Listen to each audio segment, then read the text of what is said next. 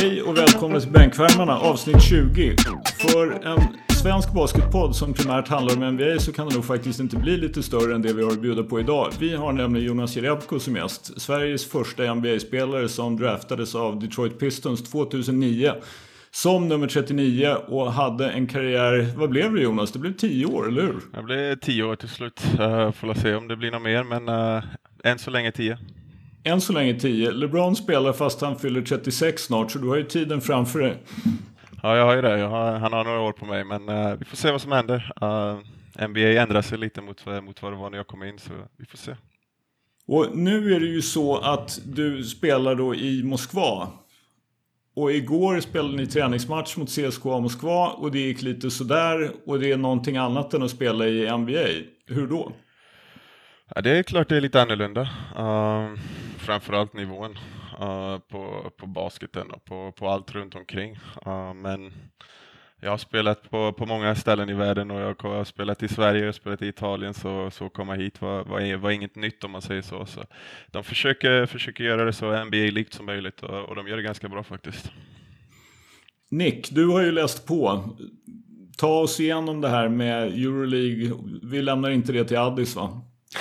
Ja, precis. Alltså jag tänkte faktiskt säga att uh, vi har en Euroleague-förnekare i gruppen och jag ville att Jonas skulle lista ut själv vem det är, men uh, uh, ja, jag har inte riktigt läst på men jag har tittat på dina matcher Jonas och först och främst, shoutout Kinnasten.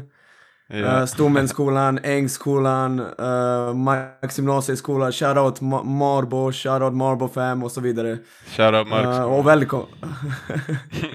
och, och välkommen. Uh, jag har tittat på dina matcher Jonas och uh, jag tycker faktiskt det har varit en intressant resa för att du kom ju som en jätteförstärkning och du fick faktiskt en begränsad roll och begränsat med speltid i början av säsongen och jag minns det var någon match mot Zenit borta tror jag, där du kom in och spelade skitbra. Gjorde nio poäng, ändå spelade du bara åtta minuter eller något sånt, minns inte riktigt nu.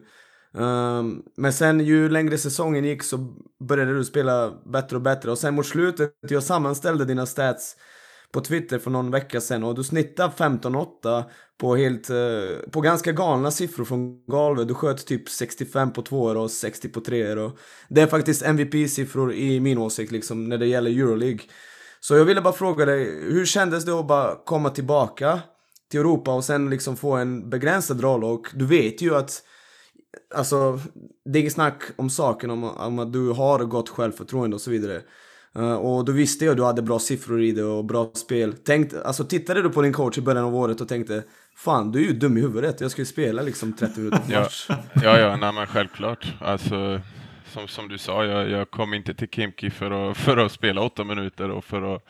Så jag, jag vet inte vad det var i början. Det kändes mer som ett, som ett test, uh, som att han testade mig. Uh, men det var en väldigt konstig sommar för mig och liksom, jag var inte riktigt redo att signa för Kimki om jag ska vara helt ärlig. Så det liksom tog mig lite, vad säger man, eh, jag var lite förvånad. Uh, så man hade inte riktigt uh, chans att, att, ha en riktig försäsong framför sig. Jag, jag åkte, åkte nästan direkt till Moskva efter uh, jag hade gift mig och vi hade haft vårt bröllop. Du vet, så man, man kom inte i form och man försökte spela sig i form.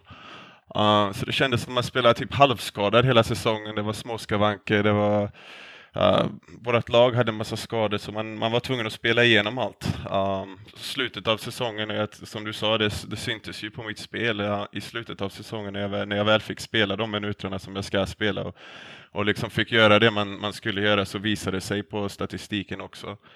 Um, och det, de siffrorna som jag gjorde i slutet, det känns som jag kan göra hela säsongen uh, och jag kan göra det bättre. Uh, speciellt i detta laget vi har i år. Um, så man ska väl inte skylla på att man spelade sig i form, men det kändes nästan som det denna säsongen. Det, man, man fick ingen tid för, eh, för försäsong, uh, utan man kom direkt in i det. Och, ja, med, mitt, med min vinnarskalle så försökte jag spela ända från, från början, vilket jag kanske inte borde gjort.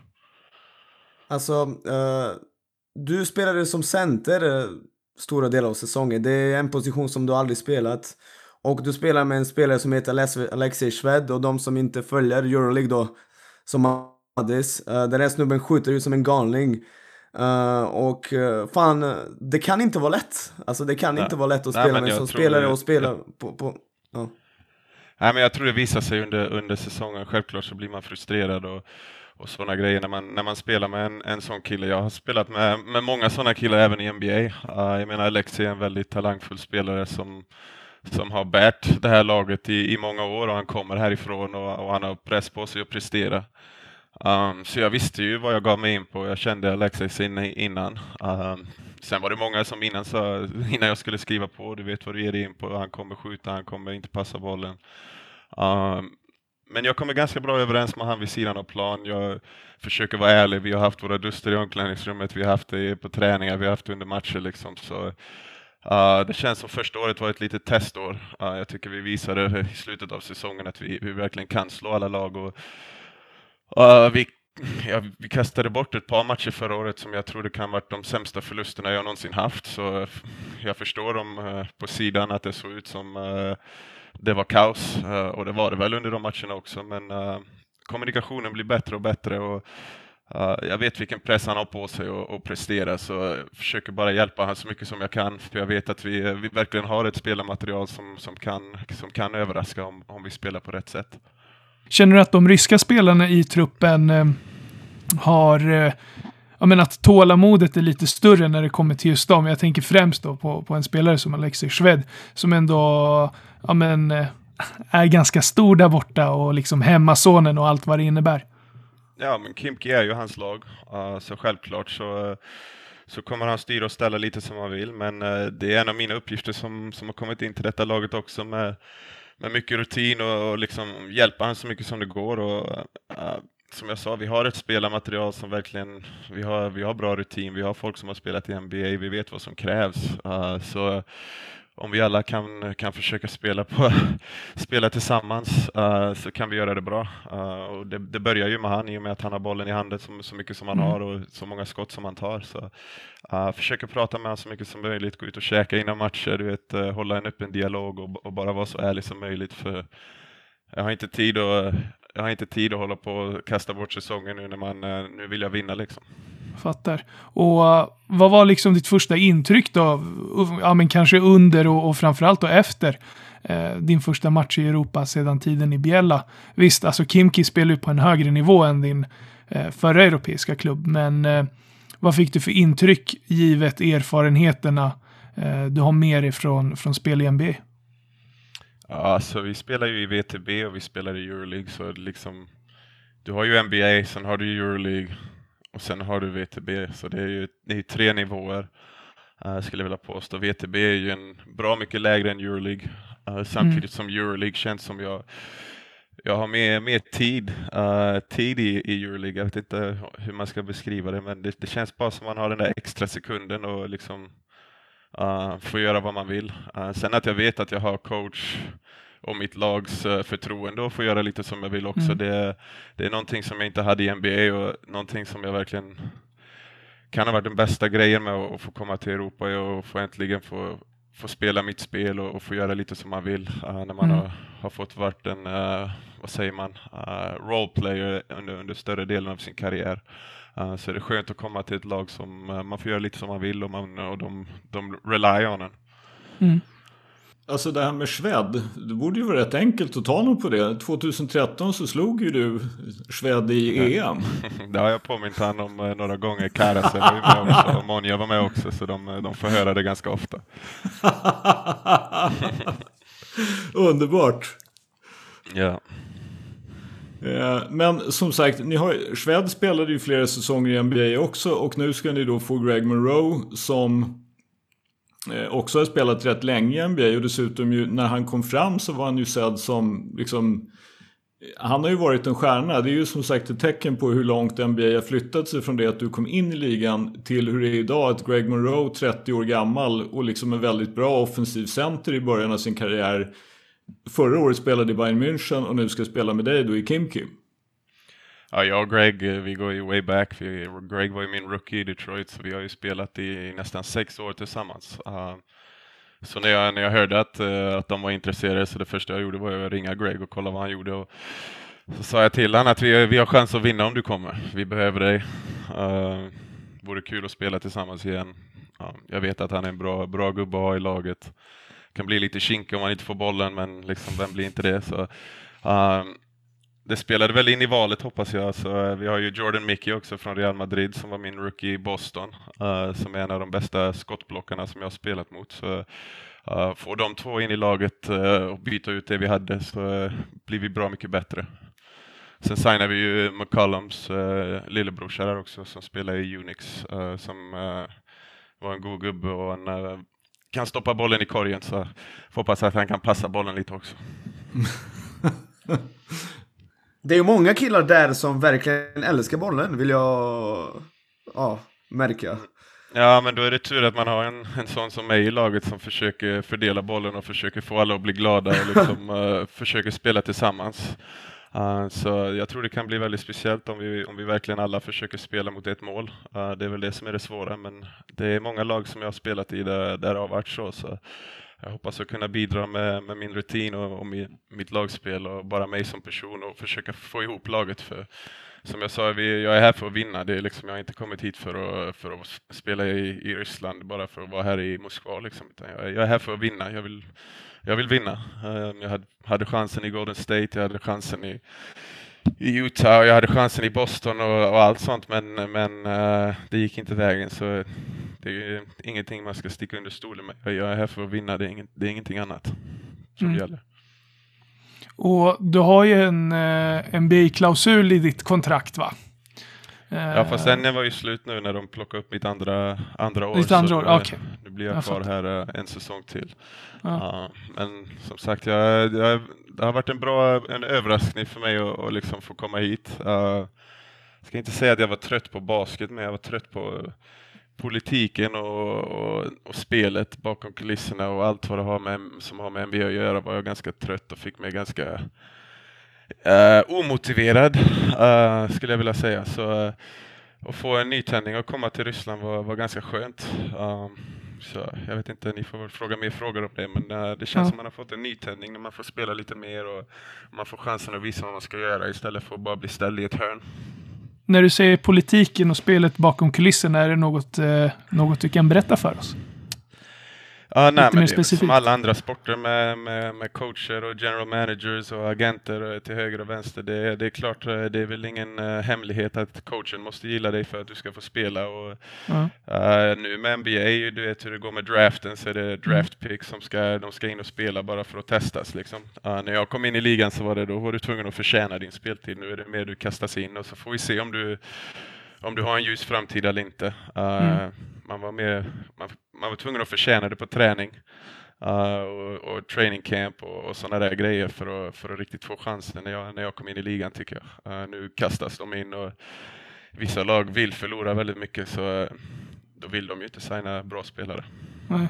Sen så var, kom ju du i, i, i, en ganska hård upplaga av Detroit Pistons också, skall nämnas. Jo, det var, det var inte lätt att ta, ta en plats som rookie i det laget som vi hade. Uh, så jag kom väl in som gröngöling, svensk liksom, eh, bara det var ju min dröm att spela i NBA så jag tänkte inte så mycket. Det var, man var lite starstruck. Det var Rip Hamilton, Tayshaun Prince och Ben Wallace som man har spelat med på NBA Street när man var liten. Liksom. Wow. Uh, så för, för egen del var det bara att vara i hallen tre timmar innan och, och se vad de andra gör och sen uh, träna så hårt som man bara kan på träningen och sen skjuta en timme efter. Liksom. Så man uh, spenderar verkligen timmar i hallen uh, innan och, och, efter träning bara för att, för att visa att man ville vara där och, och förtjäna. Uh, och då fick man ju chansen också. Mm. Ja, för mig är det lite så här, jag, jag, alltså, jag har ju följt dig i NBA och alltihopa. Jag, jag fattade inte riktigt varför, alltså, det, alltså hur det kommer att ingen plockar upp dig. För nu är du ju en stretch big i princip. Mm. Jag menar, vi går ju mot det och vi har ju sådana typer i, i, i princip varenda lag. Ja. Um, vi, vi, är ju en podd här så vi kan ju bara snacka lite så jag kan bara berätta för er hur, hur det gick till. Då. Det är liksom, den här mm. storyn har inte riktigt kommit ut men som sagt, jag och min fru vi gifte oss i Detroit för, för ett ganska bra tag sedan. Så vi, eh, vi har ju varit gifta men vi hade vårt officiella party då i, i Sverige så jag bjöd in min dåvarande agent. Vi var familj, släkt och vänner. Um, hade det bra i, i, på västkusten i några dagar liksom. Och, detta var ju efter finalen, jag har spelat NBA-final. Uh, mm. Så ett, jag tror det var en dag efter bröllopet, där festen som vi, uh, min agent hade ju varit där och och haft det bra. Eh, jag hade inte sett honom på telefonen någon gång under hela helgen, så det var ju lite konstigt. Men, uh, så eh, när vi satte oss ner för lunch då så, så var det liksom, vad, vad har du för, för erbjudanden? Och då säger han, nej jag har ingenting. Och liksom han har spelat NBA-final precis, du har ingenting i Europa, du har ingenting i NBA, du har ingenting. Alltså. Uh, så han sa, nej jag har ingenting. Uh, så självklart så Alltså jag är inte den som får panik, så för mig för egen del var det ganska lugnt, men jag har ju folk runt omkring mig som bara, vad är det, vad är det som händer liksom? Du har precis spelat NBA-final, det är klart du ska, du ska ha ett kontrakt nu. Um, så min gamla agent Bill Duffy, um, en av mina polare, kontaktade han och sa, för vi är fortfarande polare, även fast han var min gamla agent så, så var, jag, var vi ändå polare. Mm. Och eh, Bill sa ju direkt bara, vad, vad håller Jonas på med? Han har inte signat än, det börjar ju ta slut liksom. Um, ge, mig, ge mig ett par timmar så ska jag se vad som finns.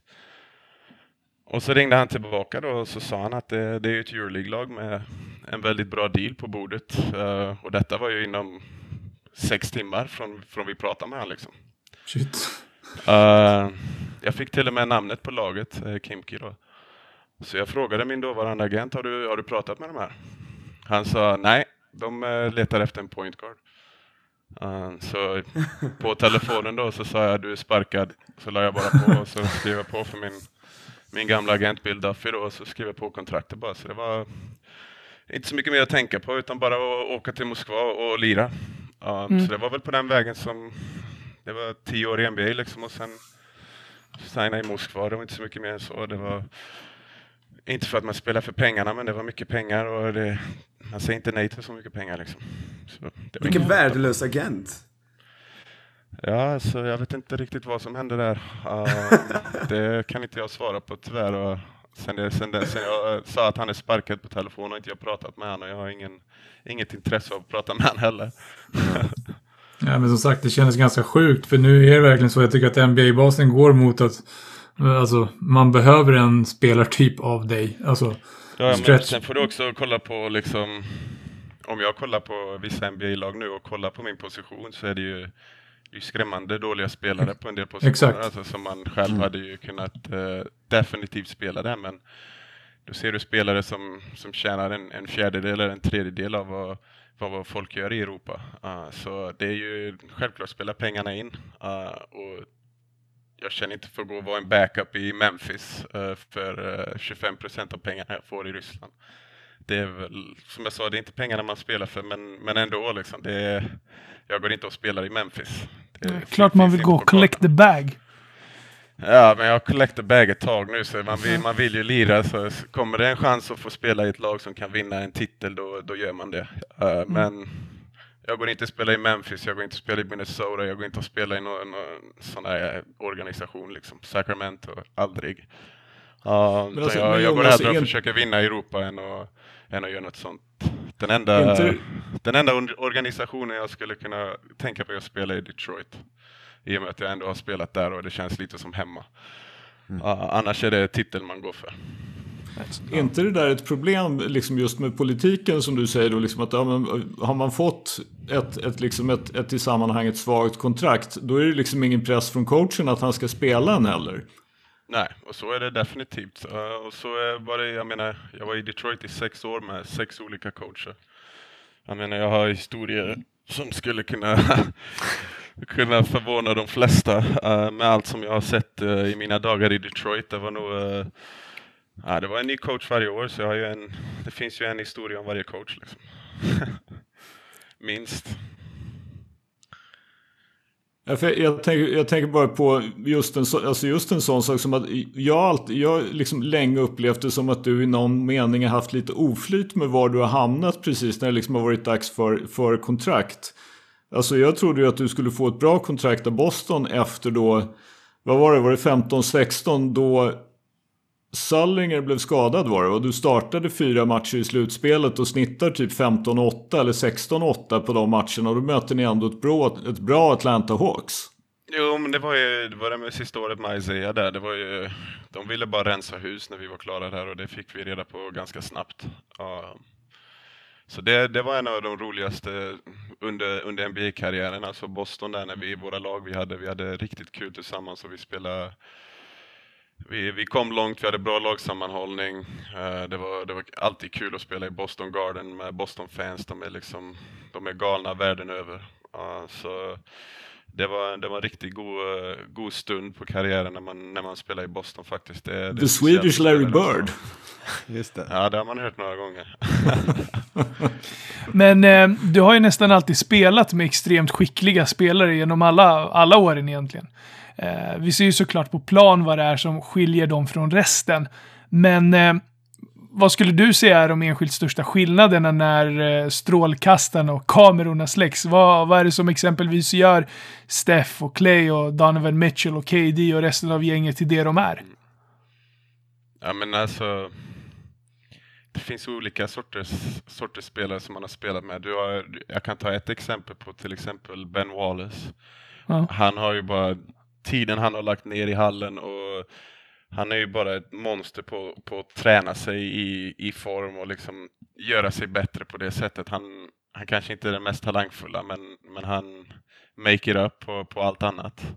Mm. Uh, sen självklart har man sett folk som har slarvat bort sin talang men uh, KD, Steph, uh, Donovan som du sa, det är tiden i hallen. Det, är- Mm. det är sjukt. När man har det som jobb så är det självklart att, att vara i hallen hela tiden men uh, Donovan såg jag direkt på, jag kommer ihåg när jag signade för Utah och vi var uppe i, uh, vad heter de, uh, Utah Utes där uppe. Vi var ju, Mm. Innan vi skulle lira så var vi bara, vi bara drog dit och lirade. Vi var 15 stycken varje, varje kväll och bara lira i ett par veckor. Uh, och Donovan förstörde allt och alla. Jag bara, vem är den här killen? Vem är den här Mm. rookien? Jag har aldrig sett han innan. Uh, Mm. bara, det finns inte en chans att han kan göra det han gör nu, så att han gör det i NBA. Och så de två första veckorna preseason och han liksom 24, 25, 30, 27. Jag bara, ska han fortsätta så här? Så fortsatte han så hela säsongen alltså. Det var, det var otroligt att se för han, han är, ja de får väl han att verka som han är utåt som han är, som han är också som person. Han är riktigt bra lagkamrat, bryr sig om alla, um, bryr sig om fans. Um, han är verkligen en, en god kille som, som förtjänar det bästa. Så det, det är kul att se att han uh, får den uh, berömmen han förtjänar. Och speciellt nu när man har sett han spela i slutspelet. Och, ja, nej, han kommer, kommer fortsätta göra under den killen. Ja. Uh, Jonas, jag har en fråga här. Uh, Ja. Jag påstår religiöst att Kevin Durant är en av de typ alla, eller inte typ, jag tycker att han är en av de bästa som någonsin spelats. Och kanske typ den bästa offensiva spelaren någonsin. Och det, alltså hans handles och hans poängskott från studs och hans post-up game, och han är ju bara den perfekta basketspelaren. Men han är lika lång som Shelbom men har bollkontroll som en point guard liksom. Det är löjligt. Håller du Ja. med mig om att han är en av de bästa någonsin? 100 procent. Uh, Oh, KD och jag har That- Ända sedan innan jag kom in i NBA så, så eh, var jag i Washington och, och tränade. Så vi, vi var ute och käkade några gånger redan när vi var, shit, vi var 19-20 liksom. Ja, och sen när man har spelat mot varandra under åren och sen fick jag äntligen chansen att spela med han. Ja, det, jag förstår inte hur man kan, kan bygga en sån person. Alltså som du sa, han är lika lång som Shelbo men han har handles som, som Kyrie och kan skjuta som Steph ungefär. Ja, så det, det hade han inte skadat sig i finalen, men det vet ni redan, så hade ju, så hade man haft den där ringen, men det ska man sluta tänka på. Men, uh, nej, men han är, 100%. jag vet att jag kommer få den frågan hur han är som person också, men KD är en av mina, de bästa polarna jag har spelat med. Och, Shit, jag snackade med honom senast för ett par veckor sedan och vi håller fortfarande kontakten. Och, uh, nej, det är en riktigt god gubbe som, som lägger ner mycket tid i hallen och det är inte konstigt att han är där han är. Och jag, hoppas verkligen han kommer tillbaka 100% och får göra sin grej igen i Brooklyn, för det, det förtjänar han. Uh, om det är någon som verkligen andas, andas basket så är det Kevin Durant. Uh, det, uh, kollat mycket basket med han uh, on the road, liksom. det, han, det enda han gör är basket. Har han frågat dig hur det är att försöka komma tillbaka från en avsliten hälsena? Du vet ju tyvärr hur det är. Mm, jag skulle väl säga att jag har ringt han typ eh, varannan månad för att kolla liksom hur det har gått och kolla hur han mår. Och, ehm, nej, han, han kör på för fullt nu, han är hemma i LA och Uh, han, borde, han borde komma tillbaka 100% när de väl drar igång, så jag, jag är inte orolig faktiskt. Jag tror att uh, alla kommer bli väldigt förvånade hur, hur bra han kommer se ut. Mm. Du pratar ju ganska gott om alla, alla, alla klubbar du har varit i, i, uh, i USA. Men är det, är det någon gång du liksom har varit missnöjd med din roll eller din situation som, som spelare i något lag? Ja, det var ju Detroit. Mm man visste ju inte så mycket när man väl kom dit. Som mm. rookie så var, som jag sa, jag var gröngöling. Jag bara kom in och körde så hårt jag bara kunde. Balls to the wall. Uh, kunde knappt skjuta bollen, vad jag kommer ihåg, uh, mitt första år. Men jag bara spelade så hårt jag bara kunde. Som du sa, jag fick starta 73 matcher tror jag. Um, så jag bara spelade så hårt jag kunde. Det, det är det enda jag kan, kan förklara från den säsongen. Är, mm. är att det var bara man var så ny och det var liksom, man levde i en, en dröm, en bubbla. Jag, jag var bara, det var basket 24 timmar om dygnet, uh, mitt, mitt rookie-år verkligen. Mm. Alltså jag minns ju från, eh, jag tror att jag minns rätt, från preseason. Hamnade inte du i en fight då med Jamal McGlure eller vad det var? Känner jag igen. Jo, det var ju första, första, matchen. första matchen. Det var ju träningsmatch i Detroit. Ja, uh, och jag, jag tror inte jag spelade första halvlek, jag kom in i andra halvlek. Mm. Uh, så var det ju någon, ja, det var väl tredje gången nerför, nerför golvet som uh, gick upp för en retur och Jamal McGlure var där och han var ju lite större än mig men uh, vi fightades för bollen och knuffades väl lite grann och ner på golvet och han armbågade mig lite grann så jag, jag fick in typ en karate-chop på sidan sådär. och vi båda, han blev ju ganska sur och jag försökte ju ställa mig upp för att visa att eh, jag tänker inte lägga mig ner. Uh, så vi båda blev utkastade och hela hallen stod upp så det blev väl ganska stor uppståndelse. Uh, vilket var ganska roligt. inte just då, jag tänkte ju vad har jag gjort? Nu blev jag utkastad min första match, vad, vad hände liksom? Hur stolt var Ben Wallace? Ja, Nej, Ben sa, det första Ben sa, don't worry about the fine, I got you. Vilken broder. så det, det, var ju säkert en 150 000 som man var tvungen att betala där, så det var ju skönt att han eh, tog den första. För den pengarna hade man inte då. Men jag kommer ihåg, du vet, eh, de kom ju in i omklädningsrummet eh, och det, det enda de ville prata med efter matchen var ju mig, så jag hade ju fullt med folk och jag hade precis duschat för jag fick ju gå ut tidigare. Ja. Um, och man var inte direkt mediatränad då, utan det var ju Ja, vad var det som hände där under korgen? Och det första jag sa var, nej men han slog mig så jag slog han. så då blev det ju avstängning direkt. Så det kanske jag inte skulle sagt, det, det lärde man ju sig direkt. Oh, men när, när ditt kontrakt hade liksom... Hade det hänt senare så hade du bara sagt nothing happened. I don't know what ja, you're talking about. Ja, exakt. Mm. Yeah. It was men, a, just a eh, bad situation guys. när, när dina kontrakt har gått ut och sådär, har, har du någon gång varit nära något annat lag egentligen eh, än det du har kommit att skriva på för? Uh... Är det något du får prata om så här i efterhand? Ja, det är klart jag får. Mm. När, jag, när jag var klar i Detroit, där, jag var ju skadad. Jag hade ju dragit av hälsenan, så jag hade ju ingenting. Så för Detroit att komma och lägga 20 miljoner till mig på bordet, det var ingenting jag skulle säga nej till. Uh, men jag kommer ihåg att jag hade många erbjudanden från andra lag som som kanske låg på 10 eller 7 eller du vet, jag kommer ihåg Golden State hade ett minimumförslag till mig så det hade ju, som man ser tillbaka så självklart hade man ju försökt att gå dit men um, och ett fyraårskontrakt för någon som sitter skadad med en, uh, av, med en hälsena som är av. Uh, det var ju bara ett bevis på att uh, Detroit trodde på en. Så, mm. um, och sen när jag signade för Boston där, då blev jag ju tradad och Uh, vi hade det så kul, vi gick till slutspel och vi bara, vi måste fortsätta bygga på det här, så jag signade tillbaka med Boston. Jag lyssnade inte ens på, på något annat. Uh, och sen efter Boston så var det ju, var det ju Utah då. Uh, de la kontraktet på bordet och sa du har 24 timmar på dig, om du inte tar det så tar vi bort det. ja, okej, så då fanns så, det inte så mycket utrymme för, för nej, andra att kolla andra alternativ? Inte så mycket utrymme och jag hade snackat med Quinn Snyder och jag tänkte det här kommer nog bli bra. Så Nej, inte direkt. Uh, inte Intressant att du nämner Quinn Snyder, för jag tror att uh, Henrik Johansson har en fråga just kopplat till tränare.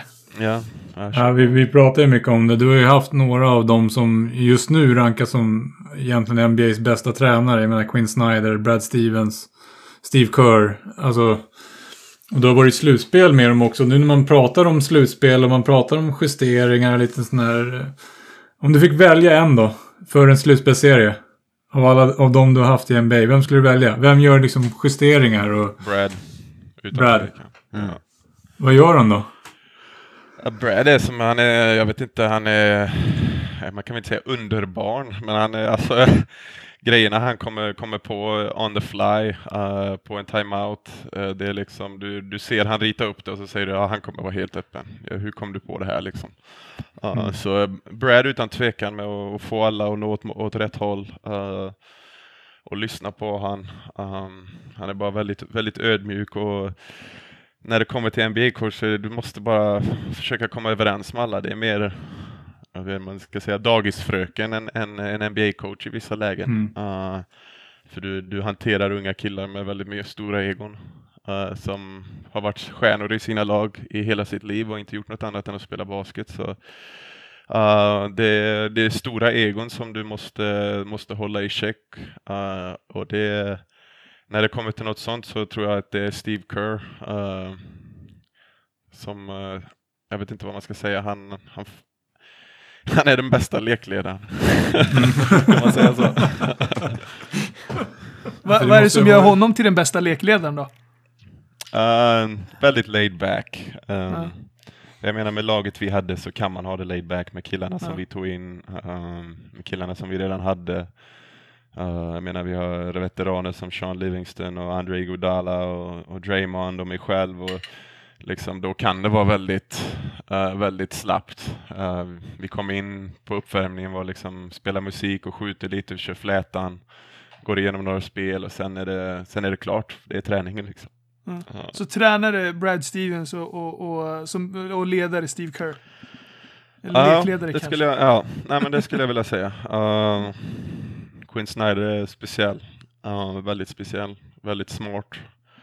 Smart när det kommer till X's and O's. Uh, lite annorlunda som person. Jag skulle jämföra han med, med typ Stan Van Gundy typen.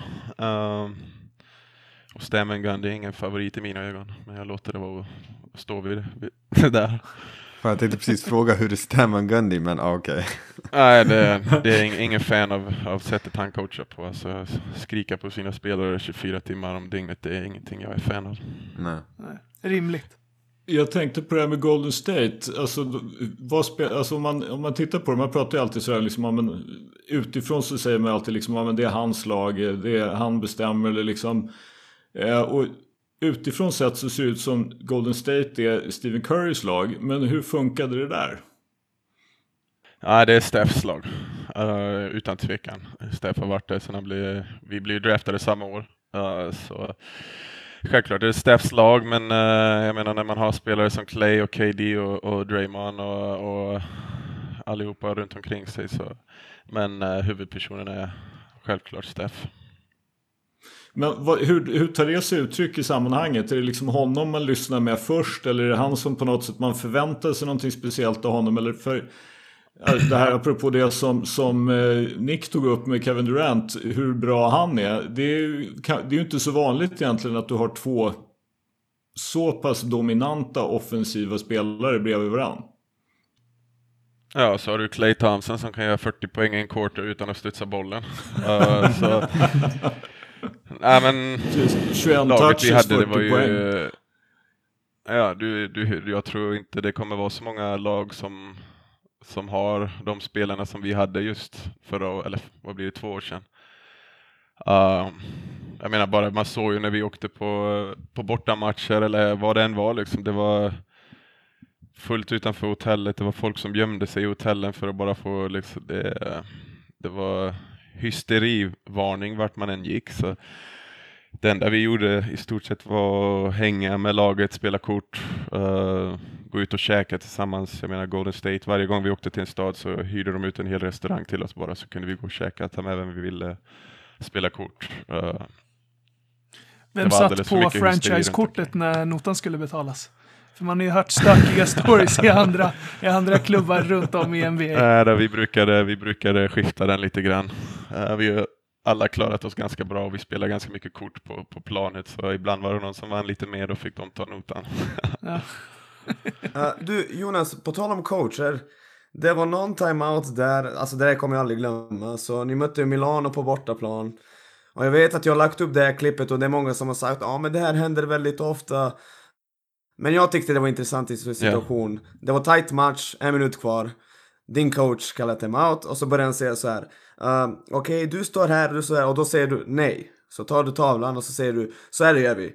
Jag står här, du står här och så tog du över timeouten i 45 sekunder och jag säger inte att du är dålig, att det inte går att coacha dig utan det känns som att du har ganska bra känsla efter att du har haft så många otroligt bra coacher. Du har en ganska bra känsla för liksom X's and O's och så vidare. Kan du se dig själv som en tränare i framtiden?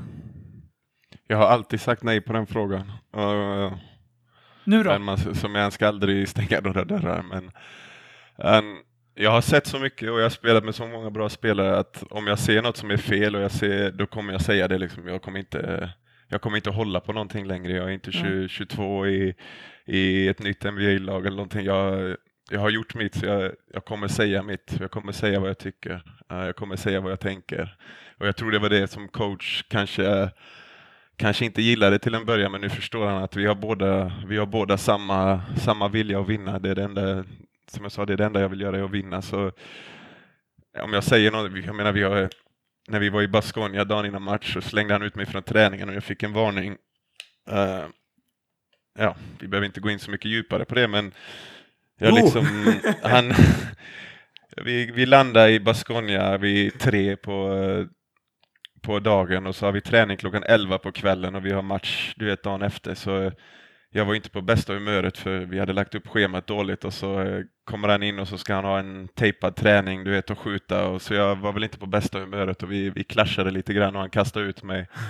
Uh, det känns som efter, efter den matchen så var vi nästan som om han gillade att jag gjorde det, jag vet inte, det var som om han har testat mig hela säsongen, jag vet inte. Uh, mm. men... Ja, för, för, för när du ritade upp det spelet så, så nickade han, han var ju bredvid det liksom och yes, yes, vi gör så här, det är så här vi gör det liksom.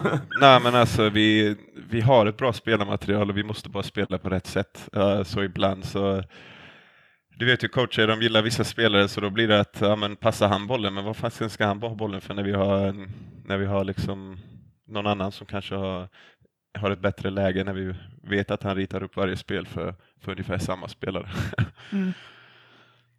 Men har du funderat liksom på, på vad du eventuellt vill ägna dig åt efter karriären? Jag tänker framförallt, vi, vi alla känner ju till ditt engagemang i, i The Renegades Eh, och din kärlek för e-sport. Har, har du tänkt på vad du vill göra när, när du hänger upp skorna i björken?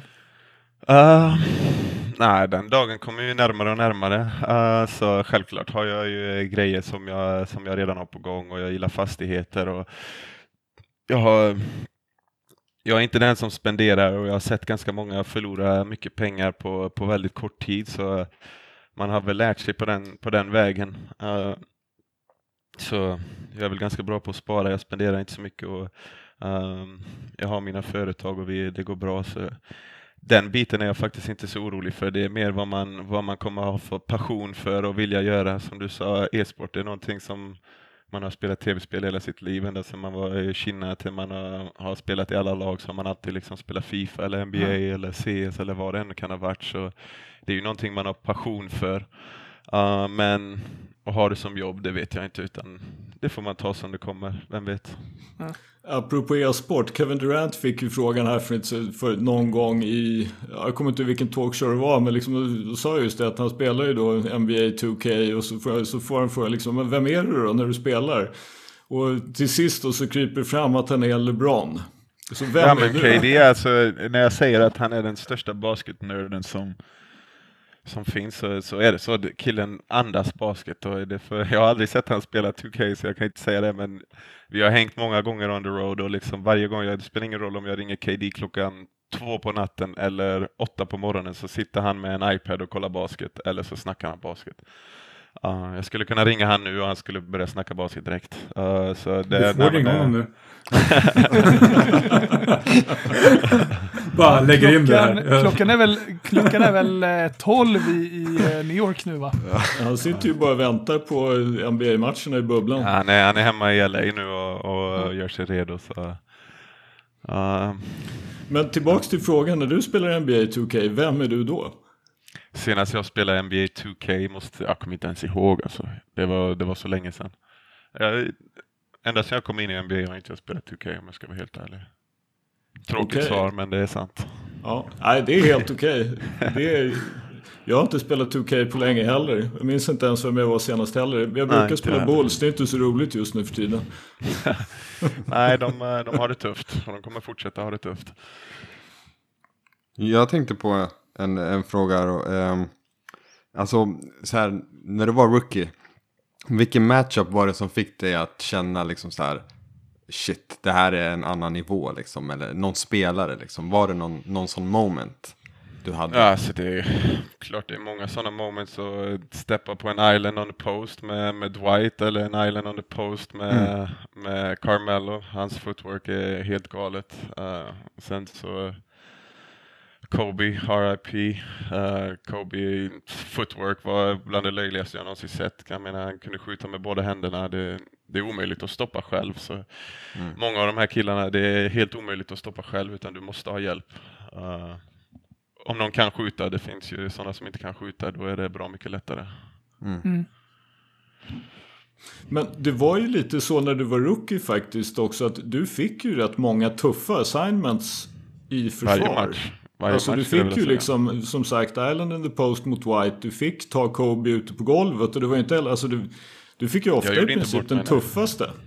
Nej, det, det är väl det är så jag, jag har det är så jag har varit kvar liksom. Jag har alltid spelat hårt, jag har alltid spelat mitt bästa. Jag har alltid, defense har alltid varit någonting som jag har har uh, pride myself of. Så, Och ta de där uh, tuffaste spelarna och liksom boxa ut och, och, och, och springa ner och liksom sådana grejer. Någonting som jag alltid har, har försökt att göra. De grejerna som inte syns. Uh, för jag vet att de syns hos många andra som, som kan basket. Och, jag vet att folk gillar att spela med mig för att jag gör de där små grejerna som, som ingen vill göra. Så det är väl någonting som man, det är så man har stannat. Uh, Jonas, uh, något som faktiskt varit, jag alltid imponerats av är att, och jag vet inte hur du gör det här, men du kan kanske förklara för oss. Det har varit många gånger i din karriär att liksom, du har varit bänkad och sen får du komma in och så sätter du dina skott. Alltså det måste ju vara väldigt tufft och obekvämt liksom att uh, komma in från bänken och kanske, som exempelvis i Golden State, det var ju några matcher där du var i princip bänkad, du kommer in, du gör 18 mot Minnesota på bortaplan. Eller i NBA-finalerna, första matchen, du kommer in, första skottet du tar blir en brutal airball. Ja. Sen sätter du två tre, po tre poängare i fjärde perioden när hela världen tittar liksom. Och jag vet att du kommer säga typ, ja men det är bara att tro på sig själv och träna hårt. Men är det verkligen så enkelt? Eller är det no något som är liksom din styrka? Nej men alltså Nick, du vet ju själv, jag har gjort en karriär av det där och um, jag, självklart önskar man att man hade fått vara en av de spelarna som har fått chansen. Jag, jag visade mitt rookieår vad jag kan göra om jag får stabila minuter. Men sen efter det har jag fått nya coacher och nästan nytt lag nästan varje år. Um, så självklart har jag, har jag hamnat i frustrerande situationer där, där nya lag har tagit in nya rookies som kommer in och, och man aldrig har fått den där stabila speltiden som man skulle vilja ha. Um, jag har visat, som du sa, gång på gång på gång i varje lag jag har spelat att när jag väl får minuter så producerar jag. Uh, och det är ju på den vägen man har fått nya kontrakt och, och hela tiden uh, fortsätta göra sin grej. Liksom. Uh, men sen är det väldigt frustrerande och, och inte hitta det där laget som, som man verkligen kan stanna i och få den där coachen som verkligen tror på en och, och få spela så mycket som det går. Uh, för jag vet att jag kan göra det i NBA, att då skulle jag få mm, riktiga minuter och, och kunna få göra min grej så hade jag kunnat göra väldigt, väldigt bra ifrån mig. Uh, men som jag säger, det är mycket politik och det är mycket som ska hamna rätt. Det handlar om att vara rätt, rätt eh, person vid rätt tidpunkt eh, många gånger. Jag ska inte säga att jag har varit fel person, men um, som sagt, bollen rullar i olika vägar. Och eh, jag tänker att om vi, om vi tittar på Sverige då. Eh, Ja. Nu har ju inte du eh, spelat i landet sen, sen Kristi födelse höll jag på att säga.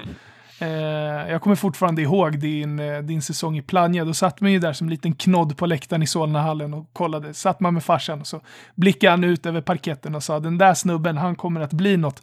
Men eh, om, om du tittar på Sverige idag, eh, så här, känner du, hur, hur känner du att, att det har förändrats i landet rent så här kvalitetsmässigt? Känner du att det har blivit bättre? Känner du att det har blivit sämre? Eh, och vad tror du ultimat att klubbarna ute i landet behöver göra för att ja, men lite mer kontinuerligt producera, producera bättre spelare på sikt? Nu är det en ganska stor och bred fråga. Det är inte som att jag tror att du Nej. sitter på alla svaren i hela världen. Nej, jag, Eh, jag ska börja med att bara, bara vara ärlig. Alltså, jag har inte varit hemma på sen jag, sen jag spelade i Plannja.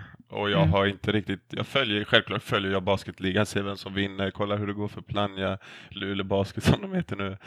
Uh, BC Luleå. Eh, och så kollar, kollar man ju Borås, du vet, jag känner ju Fredrik, jag känner Simon, du vet, jag, jag håller koll på dem jag känner på. Uh, men sen att säga att jag följer varje match, jag har nog inte sett en full match. Uh, självklart håller jag koll på landslaget och jag vet att vi har många unga killar som, som har signat ute i Spanien och uh, signat i bättre ligor. Uh, men jag, jag har levt basket sedan jag var ett- sju, åtta år, så när jag, jag har två döttrar nu, så när jag inte spelar basket så försöker jag bara, Mm. jag kopplar, kopplar bort det liksom. Jag, jag har basket hela tiden annars.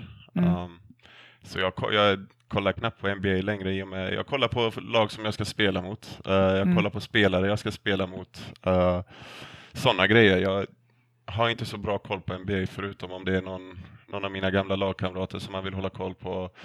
Um, eller som jag sa, om det är någon man ska spela mot. Uh, det, det är den basketen man tar in nu faktiskt. Jag fattar. Men jag, jag tänker så här, har du... Nu, nu, nu blev, blev det ju den här frågan ganska mycket förminskad till det här, men eh, så här, har, har du något tips till alla kids där ute i stugorna som ändå sitter och lyssnar på dig nu? Självklart, alltså har man tips. ehm, jag hoppas och, och, och tror att de har sett på, på min utveckling vad jag har gjort och att man kan vara en, en förebild för att, för att folk ska tro på sig själva. Jag menar, Nick bor i Kinna och Skene, vi, vi, alla vet var jag kommer ifrån. Liksom, jag har gått på Marks gymnasieskola, det var inget basketgymnasium. Jag kom inte med i svenska landslaget, regionslandslaget när jag var 14, 15, 13. Jag var jag har alltid varit uh, den som, som ingen direkt tror på, uh, eller tror ska göra grejer, eh, mer än mig själv. Um, så jag hoppas att, att kunna bidra med kids där hemma att bara tro på sig själv och liksom, man får ingenting gratis. Jag har varit ute i snön och spelat, jag har varit, ut, jag har varit inne i hallen, jag har tränat med damlaget, jag har tränat med folk som är yngre, äldre. Jag menar Nick vet, vi har, jag har sett Nick i hallen, vi han vet hur många, många timmar man har varit där och, och även jag fick ju spela med syrran när man gick i gymnasiet. Liksom. Jag Mm. brydde mig inte om om det var bra eller dåligt, bara jag fick vara i hallen och spela.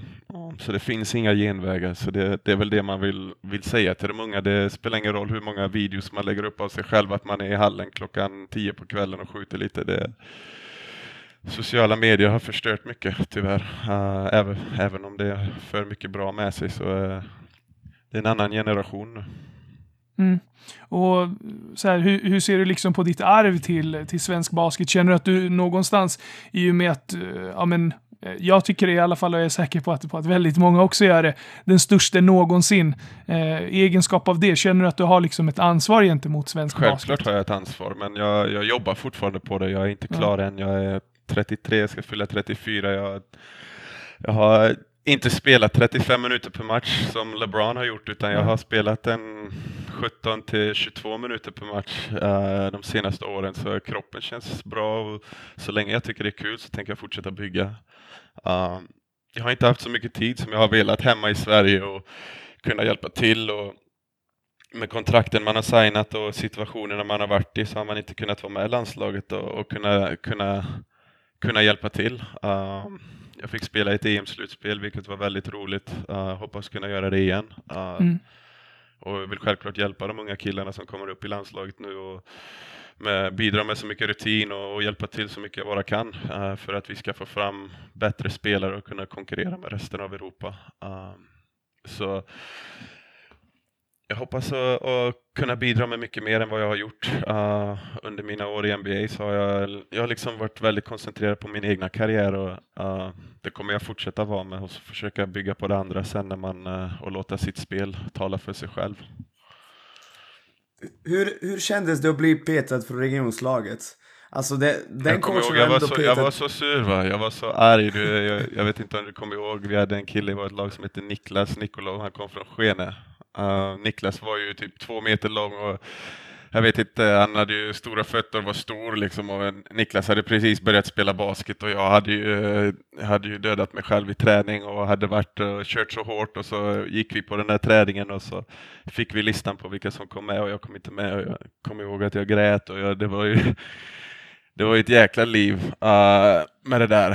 Uh, så jag ville bara, efter det har det väl bara varit som en morot. Jag säger inte att det har gjort gjort det till där jag är idag, men det har definitivt hjälpt. Uh, för det var, jag vet inte riktigt hur man, hur man tänkte där. Mm. Men eh, kan vi reda ut en sak en gång för Yes. alla?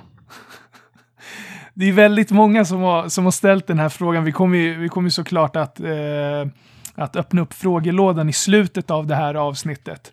Eh, men jag har ju catchat mig själv efter typ var och varannan landskamp, eh, landskamp man har sett både på plats och, och på tv. Eh, fan, om bara Jonas och Jeff hade lirat den här landskampen så hade vi vunnit. Kan vi reda ut en gång för alla här Ja. varför det inte har, har blivit landslaget de senaste åren? Um, för mig har det bara haft med timing att göra. Ja. Um, jag har signat nya kontrakt, jag har väntat på kontrakt. Mina NBA-lag har sagt nej, du får inte spela. Eh, Liksom, det är vi som betalar din lön. Mm. Uh, så vad ska jag säga? Ska jag... Nej, jag vill spela för svenska landslaget. Ni får, ni får vänta. Uh, det är inte riktigt så det fungerar. Uh, och det var samma i Euroleague här. Jag frågade min, min GM, är det okej om jag åker ett par dagar och spelar? Nej. Nej, för det säga finns då, ju liksom? en konflikt där mellan Fiba och, och Euroleague också, där de placerar matcher under, under landslagsfönstren. Exakt, uh, och det har ju varit vissa, någon sommar så var det att jag, jag var free agent uh, och man väntar på kontrakt. Och, så det har bara inte varit timing. Det är inte så många svenska spelare som har varit i min situation Nej. eller, eller så jag hade inget att gå efter direkt utan jag bara gjort vad jag har kunnat och uh, gjort det bästa för mig själv. Ibland måste man tänka på sig själv också. Um. Självklart vill jag spela för Sverige och, och göra så bra jag kan uh, ifrån mig för dem och visa där folk där hemma vad basket är. Så, uh, det hoppas jag får chansen igen.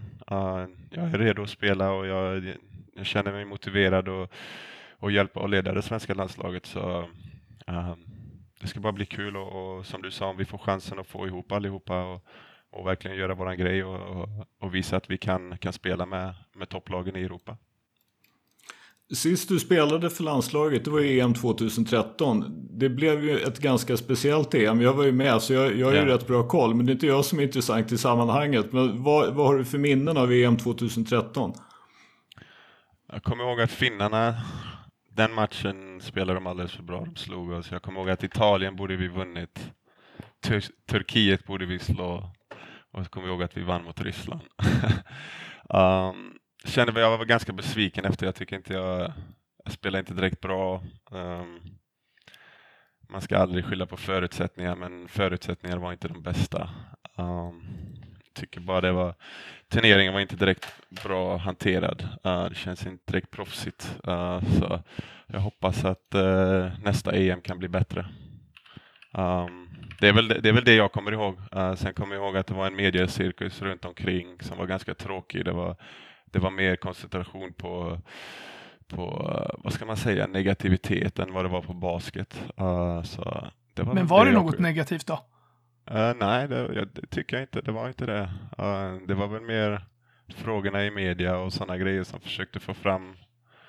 Det är, väl, det är väl det de skriver om basket tycker jag. Det är väl när det händer något, något som inte är så kul. Så det var, de försökte bara liska fram en massa grejer som inte fanns där. Uh, vi är svenska landslag, alltså allihopa, Jeff, Marcus, jag, Ludde, allihopa, vi kommer bra överens. Vi har absolut ingenting emot Vedran. Jag hörde någon hade sagt vi har emot, någonting emot Vedran eller eh, vem som coachar nu, Hugo Lopez eller Flevaraki. Jag har aldrig haft någonting emot någon svensk coach. Jag har bara inte fått chansen att spela för någon för jag har inte kunnat liksom, spendera tid med landslaget. Så det, jag har absolut inte haft någonting emot någon coach eller att jag inte skulle spela för det var någon coach eller någon i landslagsledningen eller något sådana här grejer. Det skulle jag absolut inte. Jag är inte sån som person. Jag, själv, jag spelar för Sverige men jag spelar ingen roll vem som coachar eller vem som sitter i förbundet eller vad det än är. Jag vill spela för Sverige liksom. Men känner du att det har påverkat liksom din relation till svensk media? Eh, och då tänker jag då just på situationen där 2013. Uh, eh, nej, Det tycker jag inte. Det är ingenting som jag har tänkt på efter det, utan det var just under EM och, och minnena man har kvar från EM som, som inte är de bästa uh, när det kommer till det. Uh, men absolut inga grudges eller något sånt där. Ja. De är där för att göra sitt jobb och är det det svenskarna vill läsa om så är det det de vill läsa om. Um, men ja, min, min relation till media är väl, är väl densamma som den alltid har varit. Jag, jag är 33 år gammal, har spelat i NBA i 10 år, spelar i Euroleague. Jag, vad ska jag bevisa? Jag har inget att bevisa. Mm. Jag, om de vill prata med mig kan de komma till träning eller skicka någon till träning. Uh, det, de som känner mig eller de som har pratat med mig även i media vet att jag är, jag är inte så svår att ha att göra med. Det är bara att ringa eller prata med mig. Mm. Får jag fråga då? Du, alltså, inom basketen så vet vi alla vem du är. Uh, jag kommer ihåg hur vi bara, vi har ju följt din karriär. Jag har sett mängder av matcher och det blev alltid ett liksom, Facebook-flöde när du så fort du presterade någonting. Hur känner du att den, den, den vanliga medien då, eller det vanliga genomslaget då? Alltså så här bland idrotten i Sverige. Känner du liksom så här... Alltså känner du att du har fått plats i liksom svensk idrott? Förstår du um, vad jag menar? Ehm, som, som jag sa med det andra, jag låter min karriär och mitt, vad jag gör på plan och vad jag har gjort, jag låter det tala för sig själv. För jag, jag har aldrig känt mig som, som, som en del av idrottssverige direkt faktiskt, om jag ska vara helt ärlig. Um, jag har inte bott hemma på så länge och jag, jag bryr mig inte om, jag kollar inte på svensk TV, jag kollar inte på svenska sporten. Jag, man går väl in och läser Aftonbladet lite då och då för att kolla vad som händer liksom, men uh, det är aldrig någonting som har varit på min mål och, och, och bli, bli uh, älskad där hemma i svenska sofforna. Det, det får, får komma om det kommer, men ja, det är ingenting som jag kommer göra tillgjort, utan det får vara det får komma som det kommer om det nu gör det. Om, man, om, det, om du fattar vad jag menar. ja, men det är ju folk som kommer fram på gatan och bara du. Alltså, om man inte säger är basket. Alla basketmänniskor känner självklart igen dig. Ja. Men har du upplevt någon gång när du kommer i Sverige och, de, och det är folk som allmänt känner igen dig? Ja, det, det händer mycket, mer och mer skulle jag vilja säga. Uh, ja. Men det händer även, även i Moskva och som jag sa, det finns Boston-fans. Det hände senast i, vad var det, igår när jag gick och käkade här lunch efter, efter träningen så kommer det fram någon, då är det två stycken gamla Boston-fans som jobbar på, på, en, på en restaurang där liksom som kommer fram uh, och berättar hur, hur roliga de åren var som vi hade där. Uh, så Boston-fans är verkligen man de blir man igenkänd över hela världen tror jag. Det, det händer verkligen hela tiden vart man än är. NBA draft, the Detroit Pistons select Jonas Jerebko from Sweden and he's actually here. Ja, Jonas. Um ditt, ditt gästande har ju bringat någon, eh, någon eh, otrolig uppmärksamhet till vår podd, framförallt i sociala medier. Så inför, inför det här avsnittet så, så har jag faktiskt bett folk skicka in eh, lite frågor, så vi öppnar upp frågelådan då. Och kan väl egentligen börja med Kyrie in the cut på Twitter undrar är Steff verkligen lika perfekt som han verkar vara även utåt? Eh, till media. Står det. Jag antar att han menar liksom när kamerorna släcks och eh, ja. Nej, jag det. förstår vad han menar och jag är ledsen men eh, ja. Steff han är en svärmorsdröm både på och A-plan. Jo, det är han. Ja. Uh, Steff är en riktigt god gubbe. Vi spelat golf, gått ut och käkat många gånger. Uh, Vem är bäst på golf annan, då? Som vilken annan som helst som uh, lagkamrat som man har haft. Uh, bryr sig om sina lagkamrater. Uh, menar vi spelar kort, spelar golf, hänger. Uh, så han är en god gubbe. Uh, han är bättre än mig på golf, herregud. Han spelar hela tiden. han har ju en sån där simulator i källaren som han spelar med nästan varje dag. Så Nej, han kan lira golf kan han. Hade du frågat mig Stefan så hade du vetat att Curry har ju faktiskt, Steph Curry har ju till och med faktiskt varit ute och spelat någon proffstävling, fick någon inbjudan och skämde inte ut sig totalt, vilket säger en hel del. Ja. Det var inte så att ehm, han vann, men... Nej, jag fattar. Jag fattar. Kyrie in the Cut undrar också eh, vem, eh, vem som är den mest underskattade spelaren som du har spelat med. Alltså, underskattade spelaren som jag har spelat med? Um... Är, det, är det Jay Crowder? Tycker du Jay är den mest underskattade spelaren alltså? Jag vet Nej, inte, jag vill bara, för, jag vill bara ha någon form av... Ja, nej, jag, för- jag Ja. förstår vad du menar. Nej. Um, George Niang, George Niang. ja, nu. Fan, bra fråga. Uh, ska vi se här, mest underskattade spelaren jag har spelat med. Alltså det måste ju, när jag väl kom till Detroit så måste vi ta upp uh, Stan Van Gundy. Han, vi hade ju Chris Middleton som, uh, som min rookie där i Detroit. Just det. Är du förvånad Ja, över att han har blivit den han är idag? Ehm, inte direkt. Chris är en ganska tyst person men Mm. Jag, jag har alltid sett han du vet, sätta skott och liksom har alltid tid i hallen, tränat hårt och man har ju sett det.